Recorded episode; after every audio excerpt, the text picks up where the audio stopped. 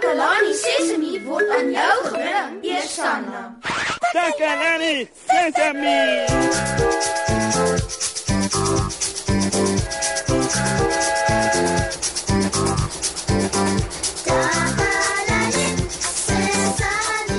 Hallo, hallo my goeie vriende van Takalani Sesemi. Dis jou maat Mossie hier. Vandag het ek sommer nog 'n ekstra rede om goed te voel. Julle weet, daar's mos mense wat mens baie goed kan laat voel. Ja, ja, ja. En een van hierdie besondere mense is Kammy, en sy is hier by my in die ateljee vandag. Welkom by ons in die ateljee, Kammy. Ag, dankie dat jy my genooi het, Moshi. Hallo maats. Soos altyd is ek baie bly om saam met julle te kuier. Maat, ek dink julle raai sommer al klaar hoekom Kammy hier is, né? Nee. So sonder om verder tyd te mors, Ek weet julle kan nie wag om te hoor waaroor vandag se storie gaan nie. Ja, dis storietyd. Dankie Moshi. Nou voordat ek vandag se storie vertel, wil ek julle net herinner dat mens baie verskillende soorte gesinne kry. Sommige gesinne het of net 'n mamma of net 'n pappa. Ander gesinne het 'n mamma en 'n pappa. Mens noem mammas en pappas ouers. Nou sommige ouers bly by die huis en ander ouers boer weer op plase en ander werk van die huis af en gaan net soms uit vir vergaderings. Dan is daar ouers wat weg van die huis af werk in 'n kantoor in die stad. Daar is selfs gesinne waar 'n mamma of 'n pappa ver weg werk en net naweke kan huis toe kom. Nou in elke gesin het elke lid van die gesin 'n ander rol en hulle werkies om te doen. Byvoorbeeld, een lid se werkie is dalk om te gaan werk sodat daar geld is om te betaal vir 'n blyplek en kos om te eet. Maar daar is ook ander werkies wat die lede van 'n gesin moet deel. Iemand moet skoonmaak en iemand anders moet kos maak en sommer nog baie ander werkies. Dit is belangrik dat elkeen mekaar en die werk wat hulle doen waardeer. En dit is waaroor vandag se storie gaan. Is jy reg vir die storie Moshi? O, o ja, ek is gereed, Kammy. O, ek hoop julle is ook gereed daar by die huis, maat.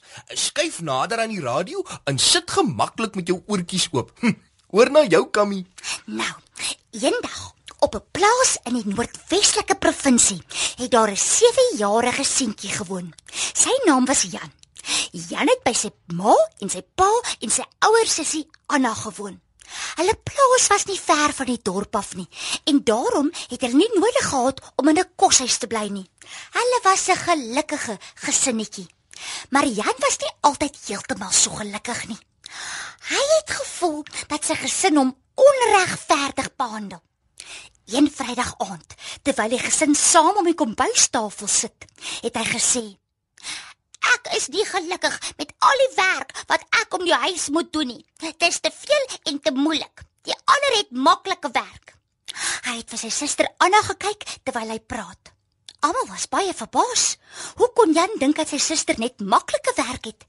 Hy was dan die jongste in die gesin en daarom het hy die eenvoudigste en maklikste werkie gehad om te doen. Al wat hy moes doen was om seker te maak dat die hoenders kos en water het en eenmaal per week, gewoonlik op 'n Saterdag, moes hy die hoenderhok skoonmaak. Maar Jan het dit gehaat om die hoenderhok skoon te maak en daarom het hy gevoel dat hy die moeilikste werk van almal het. Die volgende oggend was Saterdag. Hy het geweet hy sou die hoenderhok moes skoonmaak en hy het glad nie daarna uitgesien nie. Sjoe, hy was lui, net Kammy. Ja, mosie, jy kan seker so sê maar hy het 'n baie wyse ma gehad. Sy het net vir hom gekyk en geglimlag. Toe het sy gesê: "Ek hoor jou, my seun. En ek dink nie dit is regverdig dat jy so hard werk nie. Miskien moet jy werkies ruil met jou suster." O, Jan was baie bly en maar al te gewillig om dit te doen. Hy was vreeslik bly dat hy net die volgende dag die hoenderhok hoef skoon te maak nie. Nou Saterdagoggend maak Anna hom wakker. Hy het gemor en gekreun. Hy wou nog slaap en hy kon nie verstaan waarom hy so vroeg moes opstaan nie. Anna het hom herinner dat hy moes pap en koffie maak vir ontbyt. En as hy klaar was daarmee, moes hy so lank begin met die wasgoed, want dit was Anna se werkies.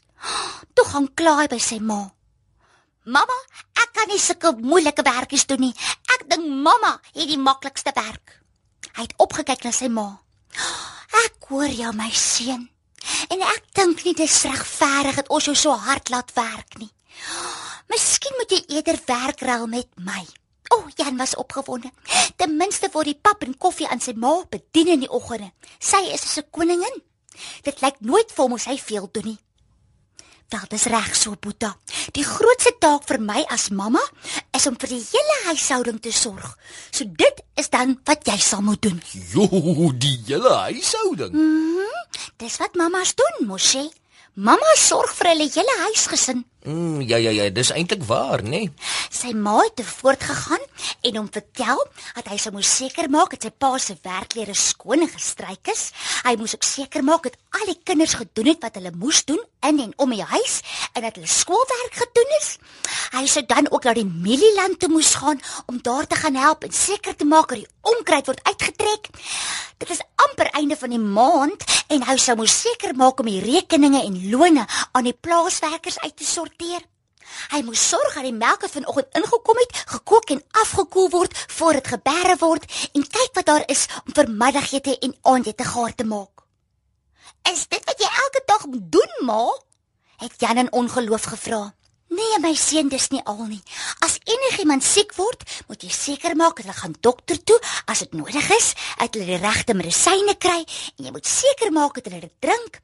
En aangesien dit die einde van die maand is, sal jy ook moet kyk wat jy nodig het vir die volgende maand en dit op die dorp gaan koop. O, oh, daar is nog 'n paar dinge, maar miskien moet ek dit maar neerskryf sodat jy nie iets vergeet nie. Oh, Janet het sy ma gekyk. Kon dit moontlik wees dat sy so baie werk alleen kon doen? Hy wou glad nie meer werk ruil met haar nie. Daarom het hy toe gesê: "O nee, ek kan nie sulke moeilike werk doen nie." jy is reg, Moshi. Dis wat hy gesê het. O nee, ek kan nie sulke moeilike werk doen nie. Hy het na Anna en sy ma gekyk en toe het sy ma gesê: "Ek hoor jou, Boeta, en ek dink dit is onregverdig om jou so hard te laat werk." Presies, sy het gesê: "Ek hoor jou, Boeta, en ek dink dit is onregverdig om jou so hard te laat werk. Miskien wil jy eerder werk omruil met pappa." O, hy het geglimlag en gesê: "Ja, mamma, jy het amper alles. So pappa sal seker nie so baie hê om te doen nie. Ek dink dis beter dat ek liewers werkies omruil met hom. Dan kan julle almal vir my sorg. Plus ek sal sy skoene moes skoonmaak en blink vryf. Nou kan hy my skoene skoonmaak en blink vryf," het hy gesê en gegiggel. Sy ma het die voorstel aanvaar, maar eers moes sy ook vir Jan verduidelik wat dit sou beteken. Jan Jy sal baie vroeg moet opstaan om te gaan werk. Jy sal die koeie moet melk. Jy sal moet seker maak al die werkers op hulle pos weet wat hulle moet doen en dat niemand 'n probleem het nie. Jy sal moet kyk of die skaapwagters nog oké is. Jy sal al die werkers moet betaal. Jy sal moet seker maak dat ons genoeg geld het vir die dinge wat ons in die huis en vir die skool nodig het en vir enige ander rekening wat ons moet betaal. Jy moet jou werk as boer beplan sodat jy op die regte tye saai en oes en skape skeer en die produkte na die mark te stuur sodat daar elke maand genoeg geld vir jou gesin is. O ja, ek dink vandag is ook die dag waarop al die beeste gedip moet word en die draad moet reggemaak word op 'n paar plekke. Sien jy beter gereed maak want daar lê 'n besige dag voor. Jan kon sy ore nie glo nie. Hy het na sy ma gekyk. Was hy nou regtig ernstig?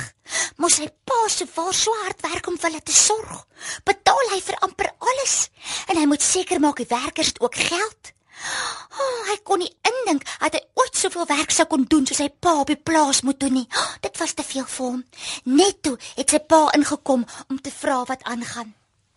Sy ma was net op die punt om te sê dat Jan sy rol gaan oorneem op die plaas, toe Jan opspring en verklaar: "Ek is so jammer dat ek gedink het julle almal het maklike werk, terwyl ek die enigste een is wat al die harde werk moet doen. Ek het nou nou net besef dat ek eintlik die enigste een is wat nie regtig veel het om te doen nie. Ek wil nie meer met enige iemand plekke ruil nie. Ek beloof om aan te hou doen wat ek moet doen met my hele hart." Hy het nou verstaan dat almal in die gesin werkies het en dat dit belangrik was dat almal hulle deel doen om te help. Van daardie dag af het Jan sy werkies en sy skoolwerkies sonder klagtes gedoen. Jy kon homself oor fluit terwyl hy werk. En dit Moshe is hoe my storie eindig. Oh, sjoe, wat 'n interessante storie, Kammy. Baie baie dankie. Maat, ek wonder of julle ook almal werkies het by die huis, soos om die kat of die hond kos te gee of om die vullisdrom leeg te maak. Hm, ek dink is goed as elkeen 'n werkie het sodat elkeen weet hoe om te help. Ouers werk hard om vir ons te sorg en hulle waardeer al die hulp. O, ons sê ook baie dankie aan Kammy dat sy ons 'n storie vertel het wat ons leer om te waardeer wat elkeen in ons huisgesin en in ons familie vir ons doen. Familie gaan daaroor dat ons vir mekaar moet sorg en omgee. Ons ouers sorg vir ons en ons moet nooit vergeet hoe baie hulle vir ons doen nie. Dankie dat julle saam met ons geluister het. Tot volgende keer dan. Totsiens.